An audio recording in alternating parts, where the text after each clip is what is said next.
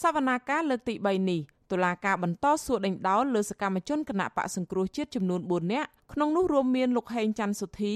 លោកជាយ៉ាម៉ននិងយុវជនព្រំរតចំណែកសកម្មជនគណៈបកសង្គ្រោះជាតិម្នាក់ទៀតកញ្ញានៃលក្ខនៅឯខេត្តបាត់ដំបងកញ្ញាមិនបានចូលរួមបំភ្លឺក្នុងតុលាការទេព្រោះមានបញ្ហាសុខភាពនិងខ្វះថវិកាធ្វើដំណើរមកតុលាការពេលសួរដេញដោល លោកជាយ៉ាម៉នសុំសិទ្ធិមិនឆ្លើយទៅនឹងសំណួររបស់តុលាការដោយផ្ដល់សិទ្ធិជូនមេធាវីការពារក្តីជាអ្នកបំភ្លឺចំណែកយុវជនព្រំរតដំបងឡើយលោកសុំសិទ្ធិមិននិយាយដែរប៉ុន្តែក្រោយមក លោកយល់ព្រមឆ្លើយខ្លះខ្លះវិញ នៅសំណួរណាដែលលោកអាចឆ្លើយបានមេធាវីការពារក្តីឲ្យសកម្មជនគណៈបកសង្គ្រោះជាតិលោកឡាវជុនធីឲ្យដឹងថាចៅក្រមនិងព្រះរាជអាជ្ញាព្យាយាមលើកយកការប្រើប្រាស់ Facebook មកដាក់បន្ទុកលើកូនក្តីរបស់លោក លោកលើកឡើងថាតឡាការបានលើកយកឈ្មោះ Facebook កូនក្តីរបស់លោកម្នាក់គឺលោកហេងច័ន្ទសុធីដែលបង្ហោះសារបន្តពីគេដែលនិយាយថារំដោះប្រទេសពីជនផ្ដាច់ការលោកថាការប្រើពាក្យពេចន៍ខ្លះគឺមកពីកូនក្តីលោកមិនយល់ដល់ថាធ្វើឲ្យប៉ះពាល់ដល់សង្គមដោយតុលាការចោទប្រកាន់នោះទេលោកមេធាវីព្រួយបារម្ភថាបើតុលាការនៅតែយកពាក្យពេចន៍មួយមួយដែលបង្ហោះនៅលើ Facebook មកចោទប្រកាន់បែបនេះនោះនឹងធ្វើឲ្យកូនក្តីលោករងគ្រោះ លោកមេធាវីចង់ឃើញតុលាការលើកយកធាតុផ្សំដែលកើតជាបទល្មើសមកសួរដេញដោលជាជាងការច្បិចយកពាក្យមួយមួយដែលបង្ហោះនៅលើ Facebook មកចោទប្រកាន់បែបនេះហើយតាមខ្ញុំយល់វាវាពិបាកដែរអាកន្លែងវិញ្ញាថាចេតនាញងឬចេតនាកំផុសបំផុលហ្នឹងអាហ្នឹងវាពិបាកដែរតើយើងមានធិតសំណាមួយដែល ថាអាចធ្វើទៅកើតណានេះឧទាហរណ៍ថាមនុស្សម្នាក់វាសាមញ្ញមកធ្វើអីធ្វើអីចឹងណាអីសួរមានណាទៅស្ដាប់គាត់នៅសាររដ្ឋអាមេរិកឃើញសាររដ្ឋអាមេរិករាល់ថ្ងៃគេគេខឹងត្រាំនឹងដោយសារអីត្រាំជាដីសវនាការលើសំណុំរឿងរួមគំនិតក្បត់និងញុះញង់ឲ្យមានភាពវឹកវរធ្ងន់ធ្ងរដល់សន្តិសុខសង្គមមួយនេះមានជនជាប់ចោតទាំងអស់60នាក់ក្នុងនោះ មានថ្នាក់ដឹកនាំគណៈបកសង្គ្រោះជាតិដូចជាលោកសំរងស៊ី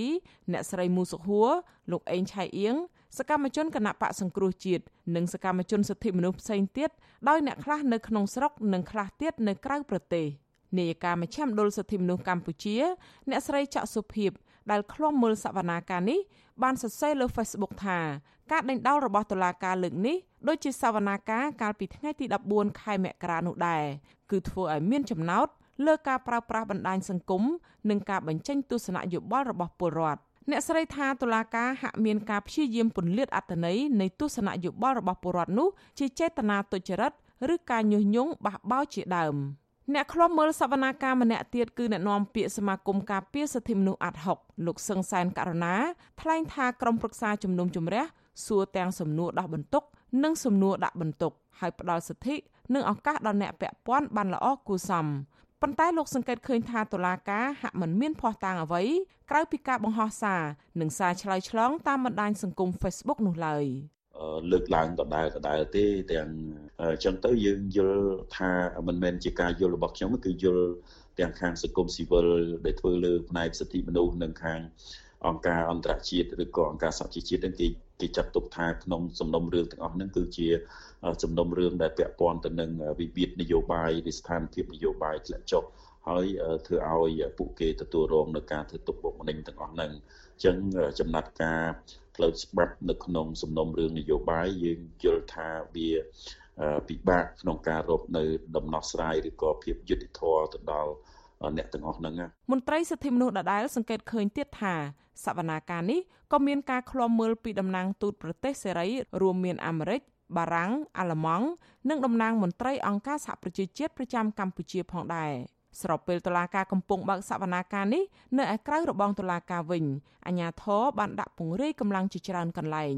អាជ្ញាធរបន្តហាមឃាត់ការឈរឬប្រមូលផ្ដុំនៅទីសាធារណៈ នៅបរិវេណក្បែរតុលាការសំបីតែអ្នកសារព័ត៌មានឈរសម្ភាសអ្នកពាក់ព័ន្ធក្រោយបញ្ចប់សវនាការក៏អាជ្ញាធរបណ្តេញចេញដែរទន្ទឹមនឹងនេះអ្នកទៅឃ្លាំមើលសវនាការមួយចំនួនត្រូវបានជន់មិនស្គាល់មុខតាមដាននិងប៉ុនប៉ងប្រើហិង្សាលើពួកគេទៀតផង